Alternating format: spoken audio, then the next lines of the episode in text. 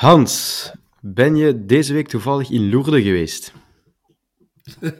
Nee, want ik gaf ons eerlijk gezegd voor de wedstrijd gisteren 0,0% kans om nog uh, die uh, play-off 1 te halen. Dus nee, ik ben er niet naartoe geweest en ook geen kaarsje gebrand. Nee.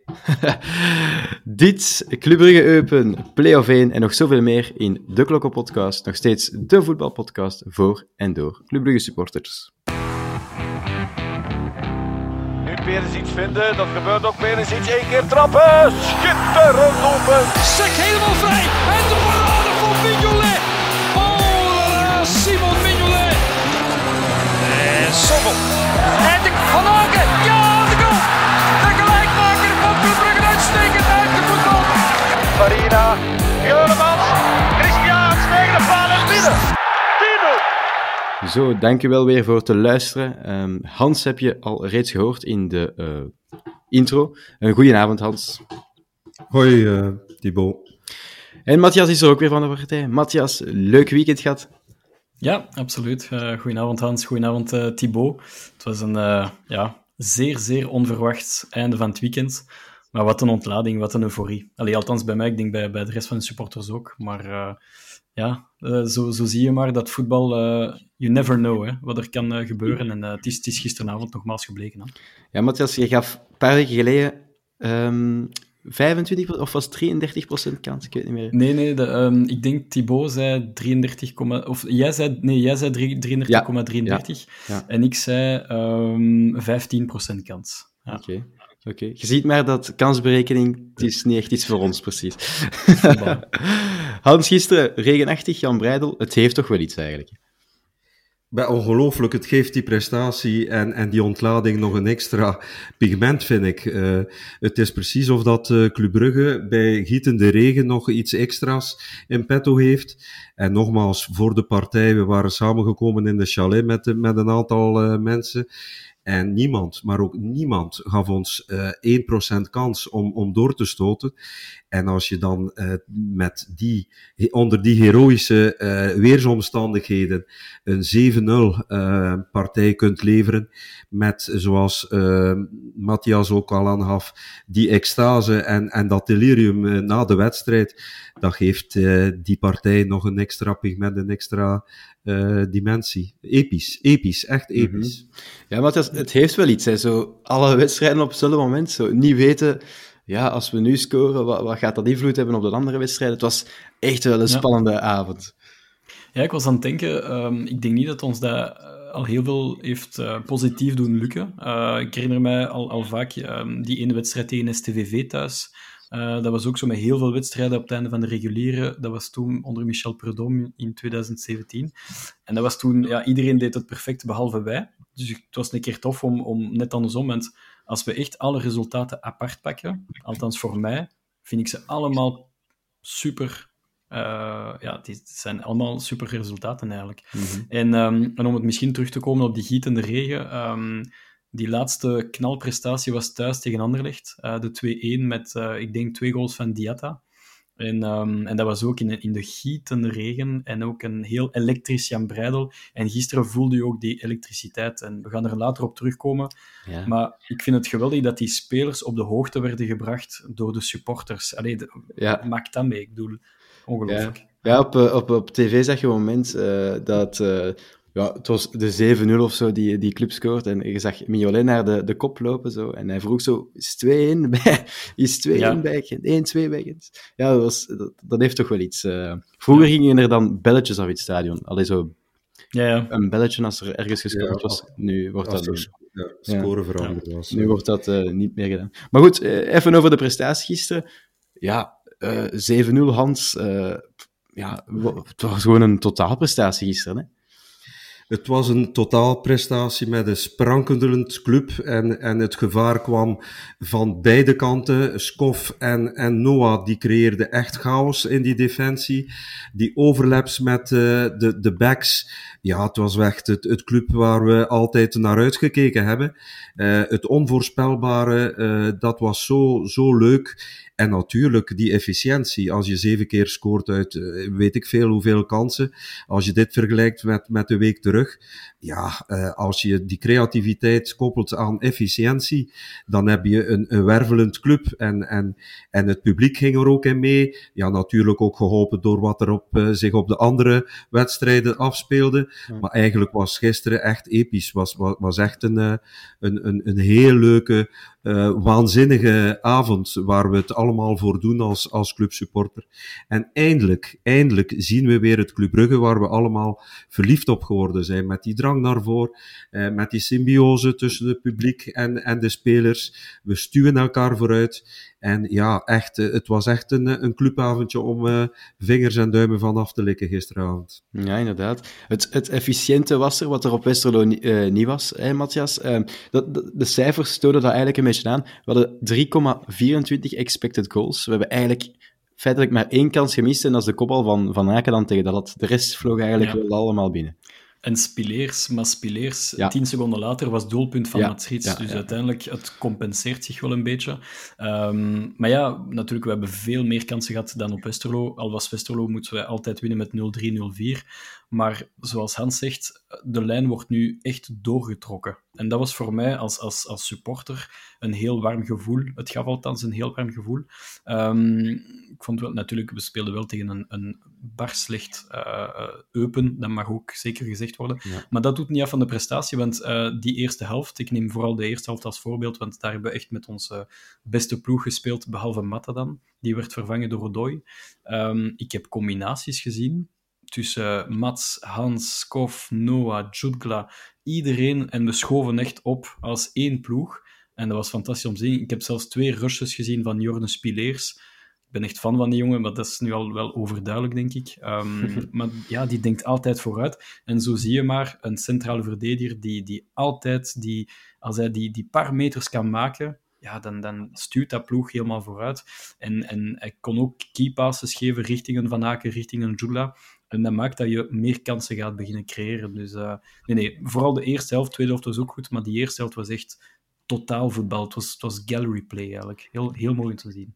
Ja. Het is fijn om weer uh, een uh, club te zien dat druk vooruit zet houdt en uh, met zowat iedereen die bal gaat aanvallen. Ja, en die snelheid van uitvoering en, en die, die, die paasjes tussendoor en tussen de lijnen. En het was voor Eupen echt behelpen en overal kwamen ze tekort.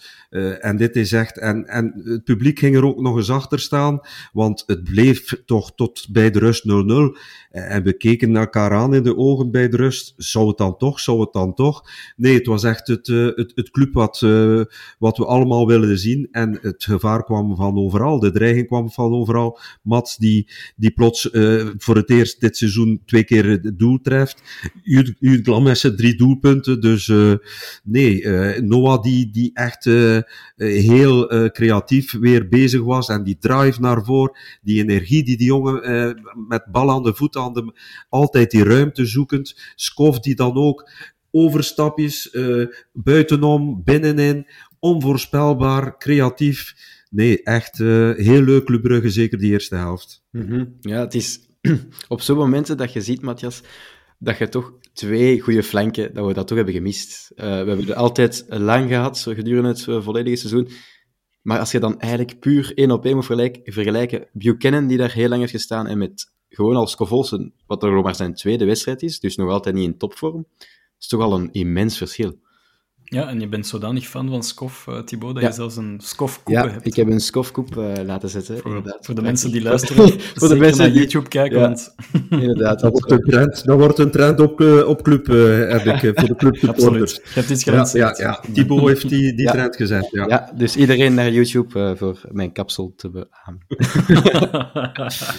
nee, nee, maar om terug te komen op jouw vraag, het, het, is een wereld van verschil. Ik bedoel, Skof en Noah zijn puur intrinsiek onze beste beste voetballers van de hele kern.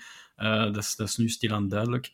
En, en wat hebben wij Skof gemist? Hè? Het, is, uh, het, was een fenomeen toen hij aankwam in januari. Hij heeft de pannen van tak gespeeld van, van zijn beginpartij op Gent in de beker tot de, de titel tegen Union. Um, en, ja, soms... Uh, kan, het is niet een moeilijke jongen, maar het is iemand die wel mentaal goed moet zitten om te presteren op het veld. Maar als alles goed zit, heeft vertrouwen van een coach, Mentaal zit het goed. Fysiek zit het goed, want dat is ook een belangrijk pijnpunt bij hem geweest dit seizoen. Heel veel blessures gehad. Maar als alles klopt en de ploeg draait, ja, dan is Kof gewoon onbespeelbaar. En ik neem misschien de woorden terug van Edward Still, uh, want ik heb achteraf zijn persconferentie mogen zien, uh, samen met mijn co-commentator voor de Blindentribune.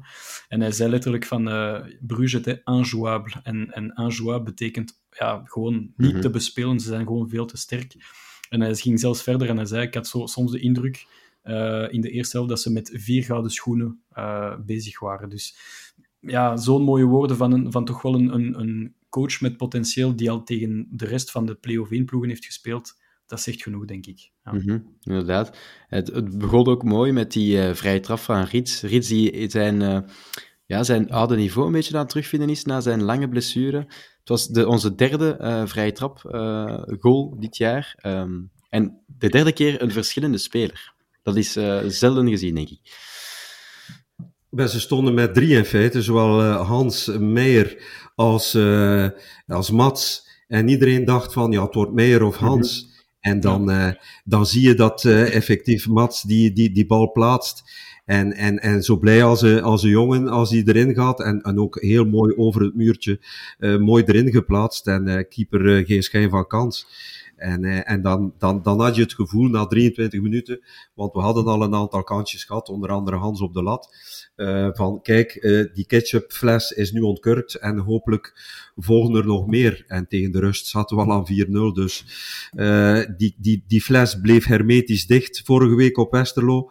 En plots, na 23 minuten, knalt die open en, en, en, en dan weet je dat het, dat het de doelpuntenkermis kan worden, maar... En zo gebeurde, zo geschiedde. Zo geschiedde, want uh, daarna volgde de goal van Van Aken. Een mooie center van uh, Meijer. En uh, Van Aken die een binnenkomt, Matthias. Het is trouwens de, het zesde seizoen op een rij dat Van Aken tien goals scoort. Zeker, minstens tien goals scoort in de competitie. En dat is de enige speler die dat heeft gedaan, blijkbaar ook. En, en, dat is het mooie aan Van Aken. Ook al heeft hij een, een want hij beleeft een minder seizoen tot op, tot op nu hij blijft wel aan die statistieken uh, werken. Hè. Dat, is, dat is het knappen aan Van Aken, assists, goals. En ook al heb je soms de indruk als fan in de, in de tribune van ah, nee, Hans, kom, doe een keer, uh, geef dat, dat pushje. Maar toch volgt er een, een belangrijk assist of een belangrijk doelpunt. Maar gisteren was hij weergaloos, zoals het hele team eigenlijk.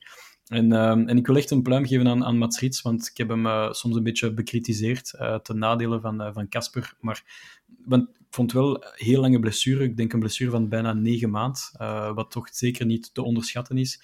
Maar de manier waarop dat hij teruggekeerd is, en, en zeker de voorbije drie, vier weken, dat is chapeau. En, en uiteindelijk moet ik wel tot het besef komen dat Mats beter past in een middenveld samen met Onyedika en Van Aken dan Casper. Casper zal zeker ook zijn, zijn uh, kunnen, kunnen tonen volgend seizoen, want het is nog altijd iemand die een, misschien een, een, tweede seizoen nodig heeft om, om zich in te werken. Uh, maar ja, Mats past momenteel duidelijk beter uh, in het middenveld van, van Riek de Mil. Ja. ja. Ja. Ja, het is, het is, het is een uh, echte clubspeler ook, hè. Mats Rits. Uh, geweldig om bezig te zien. Aan de rust wisten we eigenlijk, uh, Hans, je zei het al, 4-0 aan de rust. Aan de rust wisten we zo goed als zeker al van, wij pakken hier de drie punten vandaag. Het gaat eigenlijk enkel nog ja, moeten gebeuren op Gent. 0-0 tijdens de rust was het daar. En dan, minuut 55, dan horen we ineens gejuich ergens in het stadion. En dan ja, verspreidt zich dat zoals een vuurtje. En die ganse stadion stond in lichterlaaien. Wel, ik moet daar e- even een, een, een, anekdote rond vertellen. Van bij het begin van de wedstrijd, dus ik ben omringd door een aantal Oost- en West-Vlaamse clubsupporters. Um, ook mijn vriend uit Butgenbach zat uh, achter mij. Maar naast mij zit Bert uit Neeroeteren, Mazeik. En hij was de enige die in feite voldoende internet had. En uh, als Limburger, ik, ik plaag hem altijd, ik zeg altijd, jullie, ik, ik zei gisteren, jullie zijn nu in één ding wel sneller dan wij, namelijk jullie hebben uh, sneller internet. en via hem bleven we op de hoogte. En ook via hem um, hoorden we dat het plots uh, 0-1 was in Oostende. En in het stadion, in Gent beter, in het stadion waren er zo van die vuurgaarden. En plots stond heel dat stadion in lichterlaaien. En was iedereen van boven op die banken aan het springen, want Oostende was 0-1 voorgekomen. Dus uh, zonder dat er iets op het veld gebeurd was. En ik heb ook de commentaar gehoord op uh, PlaySports dat ook Aster en Gert in feite niet wisten wat er gebeurde. Dus, en ook mooi dat ook de spelers dan beseften dat, dat er in Gent iets, uh, allee, dat er doelpunt was gevallen. Dus uh, ja, dat was een eerste euforisch momentje waarop een aantal uh, clubfans toch al mental gingen. En uh, het, het, het zou nog mooier worden, hè, want uh, het was nog niet gedaan. Mm -hmm. Maar inderdaad, bij die 0-4 of 4-0 beter, plots uh, stond Jan Breidel in de fik. Ja, inderdaad. Ja. Het was, was een fijn moment. En sinds dan eigenlijk, Matthias, hebben we rondom ons heel veel uh, smartphones gezien eigenlijk. En dat was niet omdat de wedstrijd oninteressant was, uh, want we hebben nog, nee. nog drie goals gezien. Maar het was vooral, wat is Gent aan het doen? Ja, eigenlijk was de wedstrijd tegen Eupen plots een klein beetje bijzaken, om het, ja. het uh, heel allee, positief wel te zeggen. Maar um, ja, ik had wel een gevoel bij die 0-1 van KVO van rustig blijven. Want je weet, Gent ja. thuis tegen KVO, als, als die 1-1 heel rap volgt, op die 0-1, ja, dan hebben ze nog een half uur plus extra tijd om 2-1 te maken. Dus ik bleef wel rustig, maar het was, het was moeilijk, want je, je voelt de hoop plots van 0% naar 50% gaan, wat heel ferm is. En, en ja, stiekem hoop je wel van, zouden wij toch kunnen flikken? En, en uiteindelijk, ja, finale hebben we toch geflikt. Maar op dat moment was ik wel misschien iets rustiger. Ik moest ook wel, want ik gaf commentaar, dus ik kan niet zoals een, een, een, een gekke man beginnen brullen ook in die, in die commentaar. Maar het was wel uh, episch om te zien, zoals je zei. Vijf, zes, uh, tien supporters die beginnen vieren en dan heel dat stadion tien seconden later dat, is, dat, was, dat, is, dat was een echte kippenvelmoment, vond ik. Ja, en, en zo ook grappig. Allee, uh, fijn is dat nu niet echt, maar om, toen het 1-1 werd, hoorde je ze toch ergens zo'n beetje zo geroezemoes van godverdomme, het gaat toch wel niet waar zijn, ja. zeker. Ze gaan, want dat was nog dan, het was minuut 80 of zo, dus nog 10 minuten, dan, dan, ik denk dat er dan weer veel dachten van, goh, we gaan er net, net naast grijpen. Inderdaad, want bij die 1-1, je voelde dat ook, iedereen, dat ging ook als lopend vuurtje. En, en, en wat er op het veld gebeurde, er kwam occasioneel nog handgeklap, maar die, die, uh, je, je voelde aan alles dat het tussen uh, euforie en, en, en ontgoocheling zou zijn. Ja. En net als Matthias, ik, ik was super zenuwachtig die laatste tien minuten. Ik kon amper nog uh, mijn ogen op het veld houden. Bert die naast me zat, die had uh, de live en die volgde letterlijk de wedstrijd in Gent. En we waren meer op, op, op zijn mobieltje aan het kijken, daarna de wedstrijd zelf. En plots in de Noordboven kwam het fake news van de 1-2 kort na de 1-1. En Bert zei, maar nee, want wij zijn aan het volgen live, het kan niet. En dan bleef het 1-1 tot natuurlijk minuut, wat was het, 788. Ja, ja, toen 88, het wel degelijk ja. geen fake nieuws meer was. Maar dan, ja, dan, dan was het uh, euforie en extase. En wat iedereen besefte dat, uh, ze gaven aan nog drie minuten toegevoegde tijd in Gent. Iedereen wist, zelfs ja. bij een gelijkmaker nog van Gent, was ze hadden een overwinning nodig.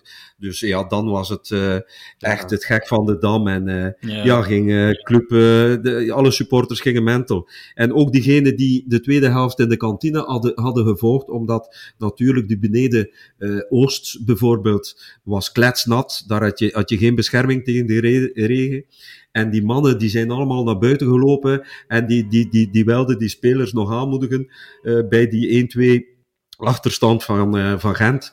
Dus uh, was ook mooi om te zien dat die Oost-beneden plots veel gevulder kwam dan uh, de, de, tijdens het grootste deel van die uh, tweede helft. Dus ja, heel, heel leuk en ja, Hitchcock kon het niet beter schrijven. Nee, inderdaad, het was echt een geweldig gevoel. Een, ik had wel een klein beetje meer hoop toen dat jullie stuurden op de WhatsApp-groep um, dat de Poitre uh, een blessure ah, okay. had en dat ze met 10 tegen 11 moesten spelen. En toen dacht ik wel van, hmm, oké, okay, dus, uh, KVO met een man meer, nog vijf minuten te spelen, het ziet er goed uit. En dan plots drie minuten later, paf, opnieuw, heel, heel dat publiek uh, helemaal euforisch en loco gaan bij die 1-2 van, van Bitsner. ja, fantastisch. Ik denk, ik denk spontaan dat we die Hornby en Bitsner gewoon uh, moeten transfereren deze zomer. Uh, die verdienen het om, om, in, om in clubshirt te spelen. Ja, dat was wel echt, echt een mooi moment. Want ook die 1-2 valt dan, het stadion gaat uh, loco zeggen. En je, je, ziet, je ziet dan ook op de bank Noah, die daar zat, die daar ook naar de supporters heb, kom, jongens, geef maar gas. Ze gingen allemaal mee. De spelers hadden ook zoiets van, oh, wat een last van onze schouders valt er hier. Was, ja. was, was heel fijn om te zien. En, uh, en ja, we plaatsen ons voor play-off 1. Dat is toch wel echt onverhoopt, hè, Hans. Ik, ik, had, ja, het is, het is, ik kan het nog altijd niet geloven eigenlijk dat we erin zitten, toch? Ja, het is echt een droom die uitkomt, want uh, nogmaals, uh, niemand gaf ons schijn van kans. Het is natuurlijk veel leuker om, om die play-off of die Champions play-offs te spelen, omdat je toch uh, speelt dan voor de knikkers. play-off 2, met alle respect, staan daar Westerlo, een nu cirkel die zich gekwalificeerd heeft in extremis. Dat zou veel minder volk trekken, veel meer gelatenheid in de tribunes, ook al was er nog een Europees ticket om voor te spelen. Maar nu nu zitten we zoals uh, waar we moeten zitten bij de grote jongens. En zijn we de enige ploeg die nooit play-off 1 heeft gerateerd sedert 2009, 2010, toen ze die vermaledijde formule hebben um, in gang gestoken. Want ik ben nog altijd, uh, ik ben pro die play-offs, maar tegen de halvering van de punten. Ja. Um, dus, uh, maar goed, um, we zitten nu in play-off 1, laten we ons van genieten. En uh, we zullen, zullen het straks hebben over uh, de opeenvolging van, uh, van wedstrijden. Eerst op Genk, dan thuis tegen Union. Ja, als we die twee wedstrijden winnen kunnen afsluiten, dan zullen er veel zweetbilletjes op de Belgische velden verschijnen. Want dan is club volledig back, hè? Ja, ja, is, dat, dat, is zeker. En, en het is ook zo, Matthias, een beetje ja, hoe moet ik zeggen, het goed, het goed moment om nu naar play-off te gaan. Allee, um, ja. ik heb toch dat gevoel dat we dat we toch sterker en sterker aan het worden zijn. We zijn, uh, zoals vorig jaar, maar op een heel andere manier, op het juiste moment aan het pieken. En we, we raken in een flow die de concurrentie, denk ik, wel angst inboezemt. Want uh, ik, allee, op mijn werk zijn er heel veel uh, Union-fans uh, en ook een aantal Antwerp-fans. En ik kan nu echt zeggen, ze zijn niet blij om ons erbij te hebben. die hadden echt veel liever Gent gehad als scherprechter en, en club dat is altijd een te duchte tegenstander. En, um, en oké, veel, veel die club niet hebben zien spelen, zeiden van, ja, bon, oké, we zijn gewonnen 7-0 tegen Eupen. Hè, dat is Ogarme Eupen, uh, een ploeg die ook 5-1 heeft verloren tegen Zoltewaargem. Maar de manier waarop dat we zijn gewonnen, dat zegt ook veel. En, um, en ik vond die wedstrijd in Westerlo was al een, een heel mooie voorbode voor wat te komen ging in play-off 2, dacht ik dan toen. Maar als we nu dit niveau kunnen doortrekken in play-off 1, ik ga nooit zeggen dat een 18 op 18 onmogelijk is. Maar kijk, gisteren is er een, een mirakel gebeurd, dus wie weet. Ja, als ik een beetje toch advocaat van de duivel mag spelen, Hans. Play-off, ja, play-off 1 tegen Genk, tegen Antwerpen en Union, dat is niet hetzelfde dan tegen Serijn, Westerlo en Eupen, hè? Helemaal, uh, dat klopt wel. Maar wij zijn een ploeg die, als we tegen een voetballende tegenstander mogen aantreden, toch altijd uh, het betere voetbal dan kunnen op de mat uh, brengen en leggen. Want tegen uh, defensief ingestelde clubs met, die ons in een laag blok opvangen, hebben we het altijd moeilijker. Maar tegen ploegen die met een open vizier spelen. Dus ik, ik weet niet, maar ik heb, wij kunnen niks in deze play-offs. We zijn er in extremis. En met een gelukje, een mirakel, zijn we in play-off 1 geraakt we, kunnen, we hebben niets te verliezen, we kunnen enkel winnen. En iedereen zegt nu, oké, ja, als, als Antwerp wint van Mechelen in die bekerfinale, zijn we automatisch verzekerd van Europees voetbal volgend seizoen. Maar wie zegt dat wij vierde gaan eindigen? We kunnen even goed derde eindigen. Tweede, laat ons niet dromen van eerste, want dat zou het failliet betekenen van die halvering van de punten. Ik denk niet, mocht Club nog in extremis, zoals vorig jaar en zoals Genk ooit gedaan heeft, toch nog die high halen, en die andere drie uh, ploegen choken, dan geef ik je op een blaadje dat die formule van halvering van de punten, nee, dat zouden ze. Dus uh, ja, de, de, de sky is the limit wat Club Brugge betreft in play-off 1. Ja, we, kunnen, we, zijn, we kunnen niet verliezen. Ja, dat is, dat is inderdaad... Dat er, ah, ik ik heb wel het gevoel dat er een van die drie gaat choken. Dat, dat gevoel heb ik heel... Wie het, wie het zal worden, dat is koffiedik kijken. Ik denk Union niet, want die zitten ook echt wel in die, die serieuze flow zoals club. Uh, Antwerp, bekerfinale, winnen of verliezen, dat is ook een uh, gigantisch verschil qua moed. Um, en, en, en Genk, behalve die, die wedstrijd tegen Anderlecht, vond ik ze echt niet goed spelen de laatste vijf, zes weken. Dus ik heb nog altijd dat gevoel dat echt een van die drie gaat crashen. En dat wij dan ik, zou, ik gok eerder op een derde plaats. Als ik, uh, als ik nu een pronostiek zou moeten zeggen. Uh, top 2 zou gewoon uh, ja, ongelooflijk zijn. ook even onverhoopt als, als gisteren. Mm -hmm. maar, um, maar ja, wie weet. Hè. Maar ik denk echt wel dat we het, het meeste aantal punten gaan pakken van de vier. Dat denk ik wel. Ja, want het fijne, Hans, je zei het daar straks al een beetje. Hè, we, we, spelen natuurlijk beter tegen ploegen als ze wat open spelen tegen ons. Um, een Antwerpen-Union kunnen soms wel eens een blokje zetten. Maar ja, ze staan zo dicht bij elkaar, die drie ploegen, dat ze wel altijd gaan moeten spelen voor te winnen. Of, of, of ze gaan een probleem hebben. Dus het is daar, ze staan allemaal op één punt van elkaar. Ja, dan, dan, dan mocht je eigenlijk nergens iets laten liggen. Nee, maar ja, dus uh, de vorige seizoenen, de laatste vijf, zes seizoenen, vond ik die play-offs altijd een rollercoaster. Zeker als je bovenaan start ja. en je wordt die punten gehalveerd, je ziet je voorsprong gehalveerd worden. Wij zitten nu in die omgekeerde situatie. Wij hangen daar nu onderaan en we hebben niks te winnen of te verliezen. We kunnen vrijuit spelen. Uh, lukt het uh, zoveel te beter. En ik heb de indruk, gisteren ook, vrijheid, blijheid, geef die jongens dat vertrouwen en die spelvreugde terug. En we kunnen potverdorie wel uh, voor een verrassing zorgen. Dus um, nogmaals, als je als leider die uh, eindronde, die, die na-competitie ingaat, dan krijg je sowieso een mentale klap, want je voorsprong wordt gehalveerd. En als volger, als uitdager, krijg je een boost, want plots is alles weer bespeelbaar. Ja. Dus ik vind dat het altijd in het voordeel is. Tuurlijk, je, je hebt liever twee of, of zes punten voor dan twee of zes punten achter. Maar in, dit, in deze formule vind ik dat diegene die jaagt, een beetje in het voordeel is, omdat het kan ook in het nadeel werken, want als die twee eerste wedstrijden falikant aflopen, ja, dan, dan, kom je op een, op een achterstand uh, die, die niet meer uh, te overbruggen is. Maar in dit geval, in de spirit en de vibe en de flow waarin Club Brugge verkeert, heb ik er toch wel vertrouwen in dat we mm, naar boven kunnen kijken en, en een betere plek dan die vierde finaal kunnen behalen. Ja, ja we, we beginnen op, uh, op Genk, uh, Matthias, en daarna thuis Union en dan het tweeluik Antwerp. Ja, ik vind het uh, heel interessant om een back-to-back -back, wedstrijd te hebben tegen, tegen Antwerp. Maar dat is nog altijd van de drie ploegen die ik het minst graag of kamp kampioen zie spelen. Um, ja. Als ik het één ploeg moet gunnen, niet club, dan is het Union. Want ja, gewoon de gunfactor, sympathie, mooi Europees parcours, Dudenpark is gezellig, bla bla bla. Maar, um, maar ja, Antwerpen wil ik echt niet, niet, niet kampioen zien spelen. Dat, dat zou uh, gewoon voor, voor Gijsens zijn ego, voor de hele, uh, allee, voor die supporters ook, die ons uh, misgun, alles misgunnen wat, wat te misgunnen valt. Um, dus Antwerpen is echt wel... ik wil dat, dat die twee wedstrijden, dat club echt wel alles geeft. Ja. Ze moeten altijd alles geven, maar zeker die twee wedstrijden. Ja, ja, ja. Het is dat. Ik denk als je een enquête zou afnemen bij alle clubsupporters, dat het 100% is uh, wie gun je het niet van de vier, dat het Antwerp altijd naar boven. Als, eh, dat kan toch niet anders? Dat, dat gunt ja. niemand Antwerp om, om kampioen te worden.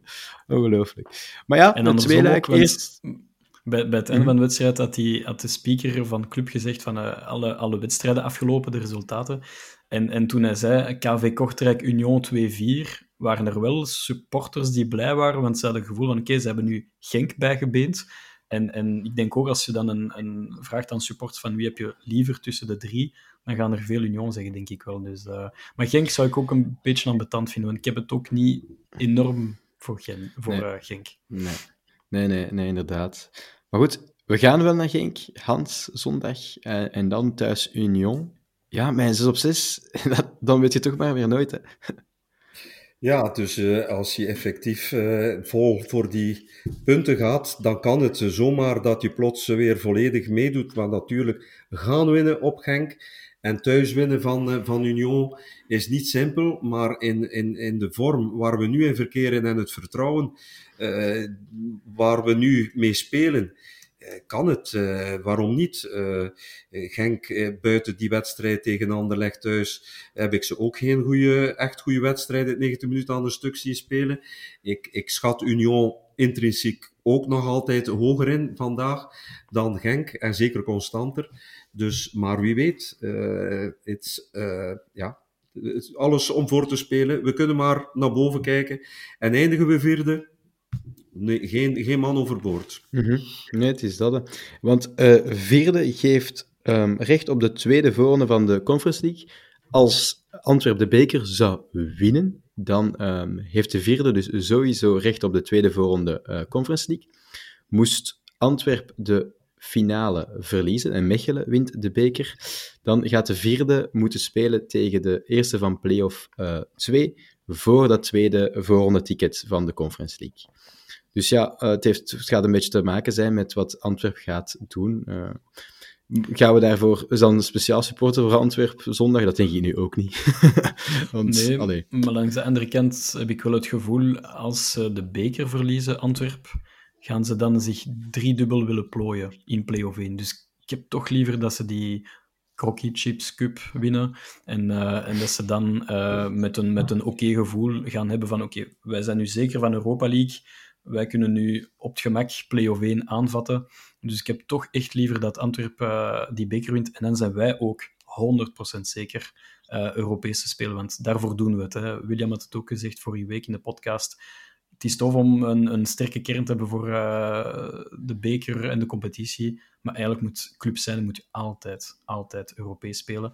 En, en soms een keer goed doen om, om een keer een, een, een, een, een misschien minder mooie poelenfase te kennen in de Conference League, maar dat we misschien nieuwe leuke away uh, trips mogen meemaken, Europees. Dus uh, ik, kan, kan niet zeggen dat ik heel hard voor Antwerpen ga supporteren, maar ik heb toch liever dat ze de beker winnen. Ja.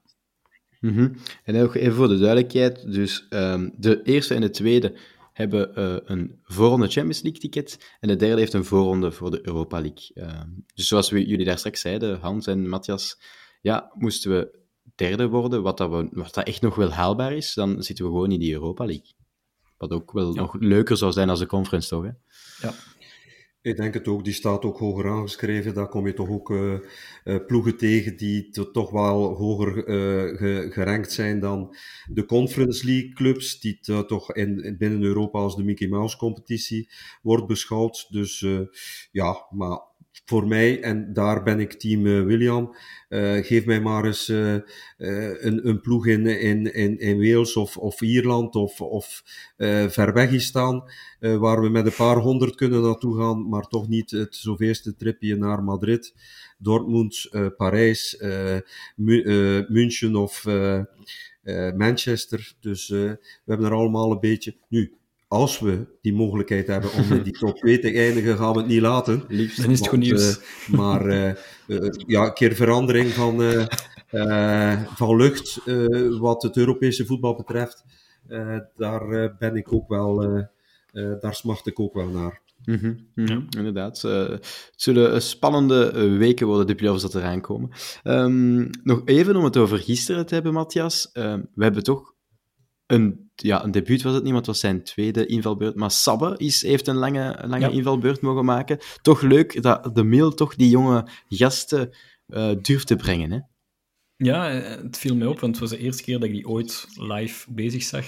Uh, en nee, op Mechelen had ik hem ook even een paar minuten gezien, maar uh, brede jongen, brede kerel vond ik. Ik vond het ook uh, leuk om te zien dat hij zijn kousen helemaal naar beneden trok, met zo van die mini-scheenlappen. Ik vind het altijd tof om te zien. En uh, ja, ik had al links en rechts gehoord dat het een echte Duracell-konijn is. Dat het een, rechtsback is die heel zijn lijn afgaat van minuut 1 tot minuut 95. En ik denk, hij was er amper op. En na 10 seconden was al de eerste rush klaar. En, um, en die bleef maar pompen, pompen. En die linksback, uh, ik denk dat dat Boris Lambert was van, uh, van Eupen. Ja, die zag alle kleuren van de regenboog.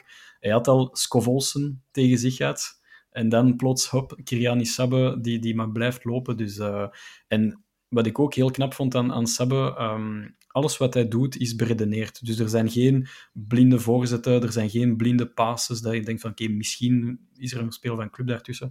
Alles is beredeneerd en, ehm, en, en alle voorzetten dat hij getrapt heeft, en het zijn er wel een paar geweest, die waren allemaal perfect getrapt. Ehm, dus dat is misschien soms een beetje een, een minpunt bij Clinton Matta, die heel vaak wordt aangehaald van Clinton is top in zoveel aspecten van het, uh, van het spelletje.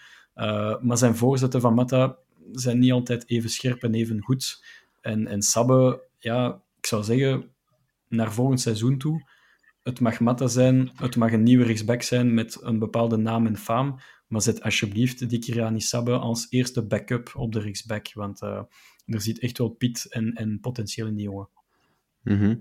uh, Hans, jij hebt hem al vaker bezig gezien bij, bij Next. Ook uh, Talbi die in uh, viel, heb je waarschijnlijk al vaker gezien bij Next. Ja, was, wat, wat, kunnen we zo van die jongens verwachten? Ja, want wij hebben ze dan, voor de mensen die minder naar Next kijken, wij hebben ze nu een keer 45 minuten zien spelen. Talbi een keer 20 minuten op, op Westerlo, nu ook weer 20 minuutjes gekregen.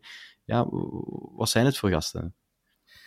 Wel, zoals uh, Matthias terecht aanhaalt, dat Duracell, uh, die vergelijking, dat heb ik ook al uh, vaak vastgesteld live in de Nest, als, als Club Nixter speelt. Hij blijft doorgaan, hij heeft twee longen, denk ik, of dubbele longen. Hij doet mij denken aan Brommerke. Uh, het is zo een geblokte jonge gast die, die niet op een inspanning kijkt, die, die, die weinig foutieve passes geeft, heel secuur, maar vooral zijn longinhoud uh, is, is fantastisch. Hij blijft gaan. En over Talbi kan ik alleen maar zeggen dat de snelheid van die jongen, die eerste, die startsnelheid, die eerste drie, vier meter, en met de bal aan de voet, ik ken weinig spelers die op centraal op het middenveld uh, zo snel met een bal aan de voet, ja natuurlijk Mbappé is, is, is wel het expo exponent daarvan, maar uh, Talbi is creatief, um, heel snel, uh, technisch heel sterk, Um, en is ook wel uh, iemand om in het oog te houden. En die zal zeker ook uh, wat meer speelminuten krijgen uh, volgend jaar. Ik vind het twee heel um, verrassende jongens met heel wat potentieel voor Club Brugge A. Dus um, ik ben benieuwd hoe ze zich verder evolueren binnen, binnen Club. Mm -hmm. Want uh, ik weet niet of je uh, vrijdag aanwezig was, dus Club Next en uh, ja. Futures. Ja, Club Next is nu wel een klein beetje onthoofd. Ja, ze hebben, ze hebben een hele goede terugronde gehad, ook het begin van de playoffs. Maar ja, nu een paar spelers die dan met de A-kern vaak worden opgeroepen. Uh, ja, wie, wie, zijn, wie, zijn, wie, neemt ze nu daar zo een beetje op, uh, op sleetouw? Ze hebben trouwens 0-0 gespeeld. Uh, wat was het voor wedstrijd eigenlijk? Um, in feite een heel um, evenwichtige opgaande wedstrijd langs weerszijden. Um, bij, uh, bij Club speelde enkel Talbi eigenlijk met een grote naam, de broertjes de Smet op het middenveld, dan Ordóñez, Cuevas, um, Servet. En vooraan, uh, door het uitvallen van Perez met zijn domme rode kaart, uh, hebben we dan nu een andere jongeling. Ik kan nu even op zijn naam. Ja, nee. Um, pum, pum, pum, nu goed. Uh, en dit is geen spits, is in feite meer een middenvelder die nu de, de, de centrumspitspositie moet innemen. En je ziet dat ja, door het wegvallen van Romeo Vermand uh, in de aanval, doordat ook uh, Sisse Sandra mee, uh, meegenomen was in de selectie voor de A-kern, um, heb je toch wel een, een aantal pionnen die dan niet speelden. En je voelt daar wel ergens wel een kwaliteitsverlies. Maar dat was toch nog voldoende om uh, uh, een 0-0 gelijkspel te halen tegen de RCA Futures. Maar een minder onderhoudende wedstrijd als de vorige. Mm -hmm. Ook omdat er niets meer op het spel stond. En zo'n typische einde seizoenswedstrijd met weinig uh, grote kansen. En, en er gebeurde in feite niet veel. Een beetje tegenvallend. Maar goed, ze spelen nu, ze zetten alles op alles om die plek 3 veilig te stellen. Ze willen voor, voor Beerschot blijven. En na RWDM en, en, Bever, en Beveren eindigen. Dus ja, mochten ze het, dit kunnen al goed afsluiten als derde, eh, dan is dat uh, de, de hoogste gerankte uh, uh, uh, drie, under 23 ploeg, hè, dus uh, ja, ploeg. Uh, ja, dus, in, inderdaad, we, we, brengen ze hier af en toe eens aan het licht, hè, Matthias. Ik wou ze zeker vandaag nog eens meenemen, Club Next. We hebben er een keer een, een prachtige aflevering van gemaakt ook. Um, ja. Maar ja, het is toch al bij al een mooi seizoen geweest voor die gasten. Ook veel hebben hun, hun debuut mogen maken. Als je, als je ziet van voor de winterstop en nu na, wie dat ze allemaal al hebben ja, kwijtgeraakt aan de A-ploeg en zowel naar buitenlandse transfers, blijven toch wel straf. En ook die um, spelers die van Club Niks komen, die zich integreren in de A-ploeg, ja, die doen het ook gewoon direct goed. Ja, ik denk, um, ik denk aan Jorne Spileers uh, als, als uh, schoolvoorbeeld. Ik zei nog tegen mijn, uh, mijn co-commentator gisteren van... Ik denk dat dat iemand is die niet meer uit de basis raakt. Um, en ik vind dat ideaal, want dat betekent dat we niet uh, vet betaalde centrale verdedigers moeten, moeten verkopen om iemand anders in de plaats te halen. Want eigenlijk mag je gemakkelijk een Hendry of een Boyata straks verkopen. Want je weet van, oké, er staat toch een Joris Spileers die klaar, die is klaar is samen met Silla en samen met Mechelen. Dus dat is, ik vind, richting volgend seizoen kunnen wij nu bouwen, centraal, centraal achterin, op Mechelen, Silla en Spileers. En natuurlijk moet er nog één of één, minstens één speler erbij met duidelijke kwaliteitsinjectie. Maar nu kan je wel met een, een, een gerust hart uh, misschien uh, vaarwel zeggen tegen een, uh, een Boyata of een, of een Henry. Mm -hmm. um, maar um, nee, de, de, evolutie is zeker positief. Ik denk ook dat een, een Scott Parker keek zelfs niet naar Next of naar de, naar, de, naar de jeugd van club.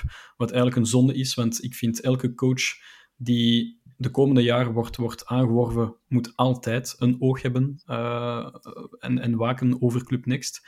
En, en ja, Rick de Meel natuurlijk, ja, meer Club Next maken ze hem niet, dus het is ook geen... geen allee, het, is, mij overduidelijk waarom dat hij al die speels meepakt, maar die brengen ook iets bij. En dat, dat is het belangrijkste, want als je speels meepakt om, om gewoon mee te pakken en zeggen van op het einde van het seizoen, zie je, voilà, ik heb ze allemaal meegebracht en, en oké, het is misschien niet niet de nieuwe Charles de Ketelaar. Um, ik vind nog altijd dat een, dat een Sisse Sandra ik, ik, verwacht er meer van. Ik vind dat hij een beetje aan het stagneren is en, en misschien zelfs een klein beetje in een neerwaartse curve. Dus ik denk dat Sandra, het zou me enorm verrassen mocht hij het maken bij club. Maar uh, als ik uh, Talbi, Vermand, Sabbe, Spileers en uh, ik, hoor, ik hoor heel veel goeds over Joaquin Seys en, en, en um, Willems, Jano Willems ik denk dat er wel mhm. nog wat, wat in de pipeline zit bij Club Next. Ja. Dus uh, kijk er geweldig naar uit richting volgend seizoen. Ja, inderdaad. Inderdaad. Heel fijn. Ja, het is, het is wat Matthias eigenlijk zegt. Inderdaad, Hans, ik weet niet. Jij, zit altijd in de nest. Heb je daar eigenlijk ooit Scott Parker gezien? Want je zei in het begin zei je altijd dat Hoefkes daar wel was. De Mil, dat je daar vaak zag. Maar Parker denk ik dat je daar nooit hebt gezien. ik heb Parker nooit gezien. Ik heb... Uh, Hoefkens was er altijd. Ik heb Rick de Mil uh, vaak gezien. Uh, Jorne Spileers, die zit altijd een paar rijen voor ons, dus die komt ook nog altijd kijken naar mm -hmm. de ploeg waar hij toch het gros van de competitie heeft meegespeeld. Ik ben Bjorn Meijer al tegengekomen op de Nest. Maar Scott Parker heb ik effectief nooit gezien. Dus ja, dit is nog eens een bewijs dat hij ja. niet keek naar die belofteploeg en, en, en vol voor die, ja, en gewoon koppig aan zijn systeem heeft vastgehouden. Als je ziet hoe Rick de Mil die metamorfose heeft bewerkstelligd, dat Club DNA daar weer ingeslepen heeft, voor die reanimatie heeft gezorgd van een, een, een dood Club Brugge, dan kan je alleen maar chapeau zeggen en een shout-out naar Rick de Mil hij weet wat er wat club ontbeerde. Ja. En hij, hij heeft die spelers individueel dat wijgevoel er weer ingeslepen. Hij heeft uh, ook, ook mentaal uh, die mental coach terug binnen, binnen club gehaald. En ja, back to basics. Dus, en, en, en dit is, dit is club wat we nu de laatste weken gezien hebben. En als je dan, dan toch een, een virtuele rekensom maakt wat, wat, wat Rick de Mil betreft hij heeft, uh, wat was het, 13 op 18 gehaald, maar die vijf verliesmatchen waren op Kortrijk, waar we in feite even goed hadden kunnen winnen, ja. en op Westerlo. Dus met een beetje geluk, een beetje efficiëntie, haalden we 18 op 18 in die zes wedstrijden rond Rick de Mil. En ik hoor je al denken van, moeten we dan verder gaan met Rick de Mil volgend jaar? ik ben eruit. Ik zou hem het liefst behouden voor Club Brugge. En niet Karel Hoefkens gewijs bombarderen en behouden als T1 om dan, als het wat minder gaat, uh, bij het grote vuil te zetten en hem te verliezen voor Club Brugge. Ik zou veel liever hebben dat Rick de Mille een stapje achteruit zet en in de schaduw van een uh, andere T1 zijn werk kan blijven doen. En dan kunnen we uh, Rick de Mille als clubman behouden. Want Karel was ook de vertegenwoordiging van, van het club DNA en die zijn we nu kwijt. En ik wil niet dat Rick de Mil diezelfde kant op gaat. En, en als T1 volgend jaar uh, wordt uh, met het grote vuil wordt buitengezet. Dus uh, ik pleit ervoor om Rick te behouden in de werking van Club Brugge. Um, als T2 of T3. En, en, en een andere naam als T1 aan het hoofd van de, de groep te zetten. Ja. Dus voilà. Ja, dat, ik vind dat eigenlijk een hele goede, goede mening, hè, Matthias? Want is het niet zo dat we gewoon eigenlijk te weinig echte clubmensen in de staf hebben zitten? En ja. gewoon al ook in de overganse club. Dat is altijd het geval geweest, hè, de voorbije jaren. Maar uh, ik ben er ook uit, uh, Hans. En ik deel uh, exact, exact dezelfde mening als jou. Um, ik had die mening al, al de voorbije weken gemaakt. Ik was wel... het publiek, net na de wedstrijd tegen Eupen, iedereen scandeert Riek de Mil, Riek de Mil, Riek de Mil. Ik vind dat heel positief. Maar dan denk ik altijd van... Oei, Misschien gaat het bestuur het verkeerd interpreteren. En uh, weet je nog, die uh, zonder Durie, zonder Durie. En plots bleef Adrie Koster aan en dat was ook niet de juiste keuze. Dus ik hoop alleen dat ze geen emotionele keuze gaan maken. Maar ik denk wel dat, ik lees het overal, het was nog in, in Shotcast deze ochtend. Uh, je ziet het overal in het laatste nieuws de voorbije weken. Club gaat voor een nieuwe coach volgend seizoen. En, um, en natuurlijk, natuurlijk moeten ze Rick de Mil behouden in de staf. En eender welke coach die vandaag op gesprek komt bij Vincent en Bart, ik denk dat het bestuur gewoon duidelijk moet zijn bij die coach van je mag je staf meepakken, maar Rick de Mil blijft staan en hij zal deel uitmaken van de staf, want wij willen een mooi verhaal uitbouwen met Next en Club A. Dus doe wat ja. je wilt, maar Rick de Mil blijft waken. Maar is dat, is, is, dat, is dat wat Rick eh, zelf gaat willen? Als je nu, ja, als Rick de Mil zijnde zelf zei, je hebt geproefd van uh, het T1-schap, ja, dan weet ik het wel niet of dat hij zich dan kan schikken naar een T2 of T3. Maar, het grote verschil met Hoefkes, Hoefkes, net voordat Schreuder toekwam, zei Karel, ik wil absoluut T1 worden. En toen heeft, Karel, uh, toen heeft Vincent en Bart gezegd tegen hem van, nog eventjes wachten en vanaf het moment dat Schreuder weg is, dan word jij T1. En dat is ook gebeurd. En dat was toen misschien de foute keuze, want ik heb altijd het gevoel, je moet je eerst bewijzen op een ander, alvorens dat je het kunt maken bij club. En dat heeft Clément bijvoorbeeld heel goed gedaan bij Beveren en bij Genk met de gekende successen. Um, dus en, en het voordeel dat wij hebben ook, is dat Rick ook niet staat te, bij de deur van Vincent en Bart te kloppen om T1 te worden. En dat is een heel belangrijke nuance met andere coaches die misschien te ambitieus zijn en zich een beetje te mooi voelen eigenlijk voor, voor hetgeen dat ze daadwerkelijk zijn. En, uh, en ik denk niet dat Rick echt... Sta, ik denk, hij zou het een leuke kans vinden, maar hij staat ook nu ook niet te popelen om T1 te worden. En daarom zou ik zeggen, lekker T2 houden en gaan voor een Deila, Gerards, whatever, maar, uh, maar wel voor een gevestigde naam. Ja, we zullen ook al uh, zien wat de play-off 1 uh, brengt. Hè? als, als, als, als, als het daar ja, helemaal anders gaat, ja, dat, dat weet je. Dat, dat, dat, we gaan veel wijzer worden de komende weken ook opnieuw. Ja. Maar de reguliere, de reguliere competitie zit erop. Ik heb ook deze morgen op mijn Twitter is dan de vraag gesteld, de typische vragen die er nu komen, van wie is jullie um, speler, blauw-zwarte speler uh, van de reguliere um, competitie. Voordat ik er een paar antwoorden van luisteraars ga, um, ja, ga tussengooien, ga ik het eerst eens aan jullie vragen. Hans, wie is het voor jou? Voor mij is het Bjorn Meijer. Uh, voor mij vind ik dat Bjorn als 19-jarige, uh, ik dacht 6 of 7 miljoen van Groningen, die lag al lang vast, onze eerste transfer vorig seizoen. En iedereen had zoiets van, hm, weer toch wel een grote som. Uh, voor een verdediger wordt dat wel iets. En ik, ik vind dat Bjorn de verwachtingen heeft meer dan waargemaakt en overtroffen zelfs. Um, en en hij, de meest constante clubspeler was uh, over heel het seizoen bekeken. Um, de laatste periode, en zeker onder Rick de Mil en zelfs onder, Spark, uh, onder Parker, had ik de indruk dat Noah wel op zijn beste niveau kwam. Maar toch, eindconclusie uh, voor mij, staat Bjorn toch op het hoogste niveau wat speler van het jaar betreft. dat is mijn persoonlijke visie. Mhm. Ja, ik, ik, ik vind het nog altijd straf. Ik, ik ga ook naar een Meijer, uh, langachtig. Ik vind het nog altijd straf, want Meijer, als ik die zijn eerste wedstrijden zag, dacht ik echt van, oei, oei, die heeft nog veel werk, die jongen. Maar hoe snel die geëvolueerd is gedurende dat jaar in de Champions League, dat is eigenlijk ongelooflijk. Ik vind dat echt ongelooflijk wat die, uh, hoe dat die zich uh, positief heeft hersteld. Matthias, jij? Ja, ik, uh, ik, deel exact dezelfde mening. Uh, ik was al voor de podcast aan het nadenken en uiteindelijk heeft het mij denk ik twee seconden geduurd en ik, uh, ik had al het antwoord.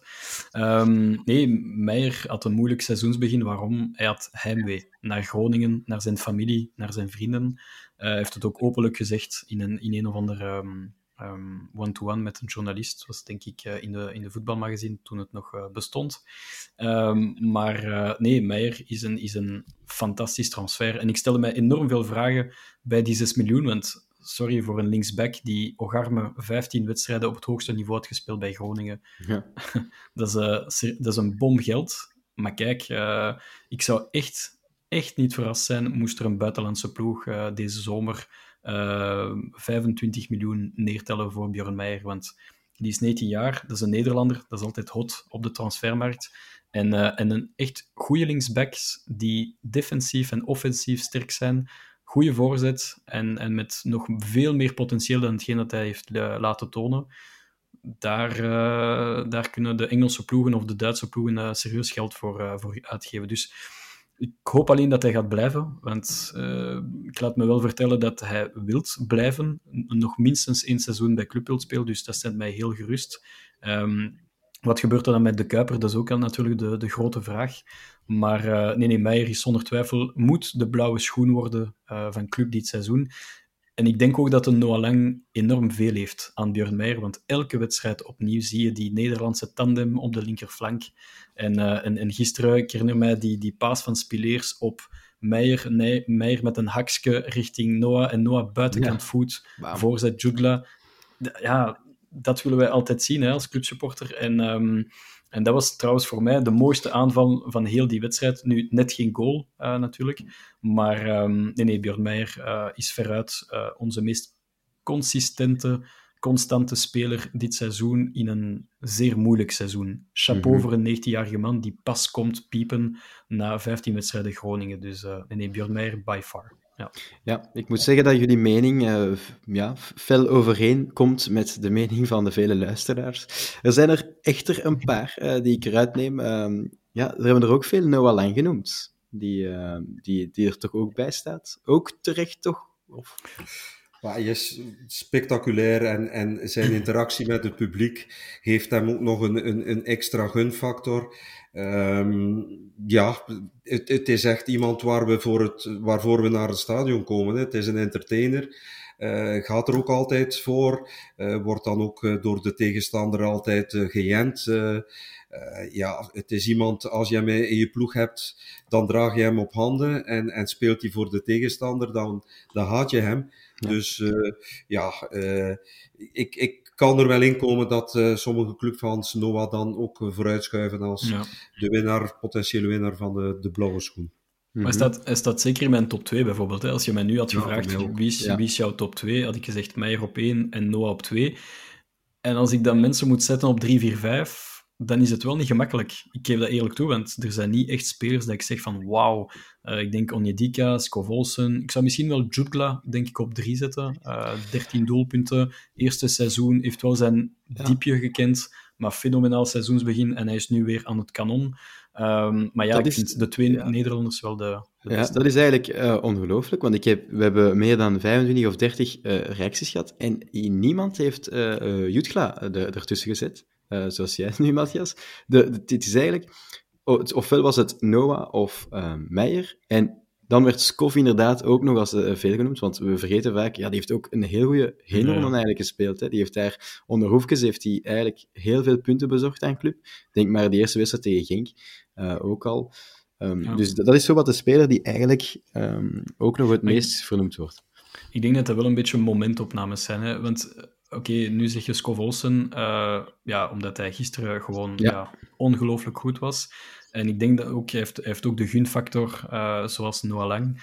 Dus dat speelt ook wel een beetje in de, in de keuze van de mensen. Uh, maar ik denk gewoon, ja, Noah zet ik echt wel op plaats 2 en, en Björn by far op, uh, op plek 1, toch wel. Mm -hmm. ja. Ik heb uh, trouwens nog een heel fijne statistiek over Noah Lang. Um, sinds zijn aankomst in uh, de Jupiler Pro League, in België dus, is er geen enkele speler in België die meer betrokken is bij een goal dan Noah Lang.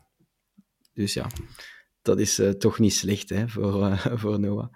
Toch ja. chic. Chic. Ja, het, zijn um, vooral, het zijn vooral zijn eerste twee seizoenen. Hè. Zijn, zijn, ja. zijn eerste twee seizoenen, hij was constant betrokken in alles. Ja. Vooral zijn eerste eigenlijk. Hè. Ik herinner mij, hij werd, uh, hij werd uh, getransfereerd eind oktober, want dat was zo'n heel bizarre transfermercato die nog tot, tot eind september of eind oktober kon gaan. En, um, en hij werd aangekondigd via de PostNL-pakketje. Uh, dat was ook een, een tof momentje.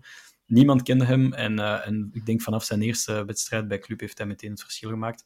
Dus dit seizoen was een, was een minder seizoen voor Noah Lang qua statistieken, want hij heeft veel minder assists en goals gemaakt. Maar aan de andere kant qua vechtlust en vooral qua mentaliteit. Ik vind echt dat Noah Lang een switch heeft gemaakt in zijn hoofd van oké, nu laat ik me niet meer beïnvloeden door de scheidsrechter, door de tegenstander, door de supporters. Hij speelt gewoon, hij doet zijn ding en vooral hij werkt. En ik denk die wedstrijd op Westerlo was een schoolvoorbeeld. Het wilde maar niet lukken, maar hij bleef maar proberen. En uh, ik, ik denk dat veel mensen het niet beseffen, maar we gaan Noah Lang ongelooflijk missen volgend seizoen. Ja. Uh, want hij is weg, hè, dat moeten wij nu echt wel zeggen. En um, een club zonder Noah Lang, uh, het, gaat toch, het gaat toch pikken bij mij. Ja, inderdaad. Dat denk ik ook.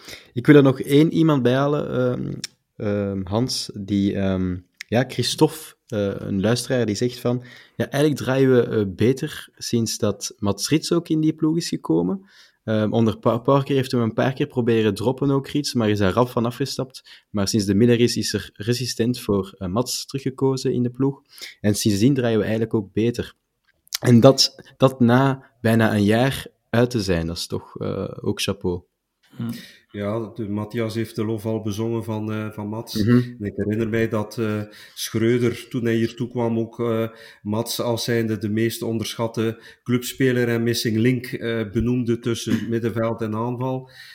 die ook dan nog eens scorend vermogen heeft en, en, en nog in die 16 verschijnt net zoals Matthias zegt, het, het, ideale, de ideale driehoek op het middenveld, denk ik, is Onjedika, Hans en Mats. En, en oké, Casper okay, uh, uh, hebben we geprobeerd, uh, maar zijn rendement is toch niet van het niveau van, van Mats. En zeker nadat hij wat gerodeerd was na die lange, maandenlange blessure.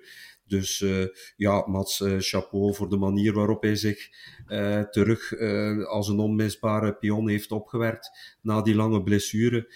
En het is ook een waterdragerij, dus Mats die, die, die, die loopt veel vuile meters. als je hem niet ziet, dan speelt hij, speelt hij in feite zijn beste wedstrijden. Dus gisteren ook subliem. assists, doelpunten. ja, maar zo waren er veel hè, gisteren die echt een, een topwedstrijd hebben uh, het was een totaal voetbal, hè? dus het ja. was een teamprestatie en dat hebben we veel te weinig gezien ja. dit seizoen. Het waren meer individuele uh, spelers en minder een team. En ik vind toch dat Rick dat teamgevoel en die, die, die, dat wijgevoel, die teamspirit, er heeft ingekregen. Dus ja. heel is, sterk. Het is trouwens ehm, ja, het is zoals je zegt, Hans, een totaalprestatie. Het is trouwens 30 jaar geleden dat we nog eens zeven keer hebben gescoord thuis. Weet er iemand, het is een moeilijke heel, maar weet er iemand tegen wie dat, dat was? Dat ga, dat ga jij beter weten, Hans, denk ik. Ik heb ooit een E7 meegemaakt thuis tegen Standaard met Simon Tagamata, die er drie scoorde. Ik heb de 0-9 meegemaakt in Mons. Ja. Maar zeven, zeven doelpunten, uh, 30 jaar geleden. Ja. Niet direct Hasselt. Uh... Nee, FC Boom in 1993 uh, was uh, ook uh, zeven goals verschil. Ook een 7-0 zege was dat. Dus voor de kenners 7-0 tegen FC Boom. Um, goed, we gaan dan zondag naar Genk. Um, dan rest er mij nog ja, jullie een pronostiekje te vragen van, hè, voor dit weekend, want het komt er rap aan, de play-off 1. Hans, wat mogen we zondag verwachten? Ja, ik ben optimist. En, en, en doorgaand op het elan van gisterenavond hoop ik op een 1-2 overwinning. Maar als we realistisch zijn, eh, dan moeten we tevreden zijn met uh, als we een punt halen. Maar ik ben clubsupporter, ik ga voor de 1-2. Ja. Matthias? Ja, ik, ik, ging ook voor uh, 1-2. um, allee, laat ons zeggen dat um, Spileers Painsil in zijn achterzak gaat hebben. En, uh, en, en we, houden een nieuwe clean sheet mm -hmm. na, na Westerlo en, uh, en Eupen. En het wordt een uh, droge 0-1 overwinning voor Club. Ah, ik wou ook 0-1 zeggen. Jammer. Um, dan ga ik voor 1-3 overwinning. 1-3 overwinning. En Van Aken die nog eens scoort tegen Genk. Ja, dat, is, dat gebeurt wel vaker. Ja. dus dat hoop ik. Bedankt voor de leuke aflevering, heren. Het was uh, echt een uh, euforische, fijne aflevering. Ja. Mag ons ook, hè? Dus, uh, ja. Dat, ja. ja, het moeten niet altijd van die treurmarsen zijn. Hè? Voilà, het, is ze ons, ze, het is ons gegund, hè? Ja, ze hebben het, we hebben het lang moeten uitstellen, maar we hebben aan het einde van de competitie toch eens een euforische aflevering kunnen maken. Dat is heel ja. fijn. Bedankt voor, voor jullie meningen, alvast. Ook aan de luisteraars, een dikke dankjewel voor het luisteren. Vergeet ons niet te volgen op eh, Instagram, Twitter en YouTube. En eh, graag tot een volgende keer. Nu Peres iets vinden, dat gebeurt ook. Peres iets één keer trappen. Schitterend lopen. Sek helemaal vrij. En de parade van Mignolet. Oh Simon Mignolet. En Sobel. En de Van Aken, Ja, de goal. De gelijkmaker van Club Brugge uitstekend uit de voetbal. Farina. Ja. 자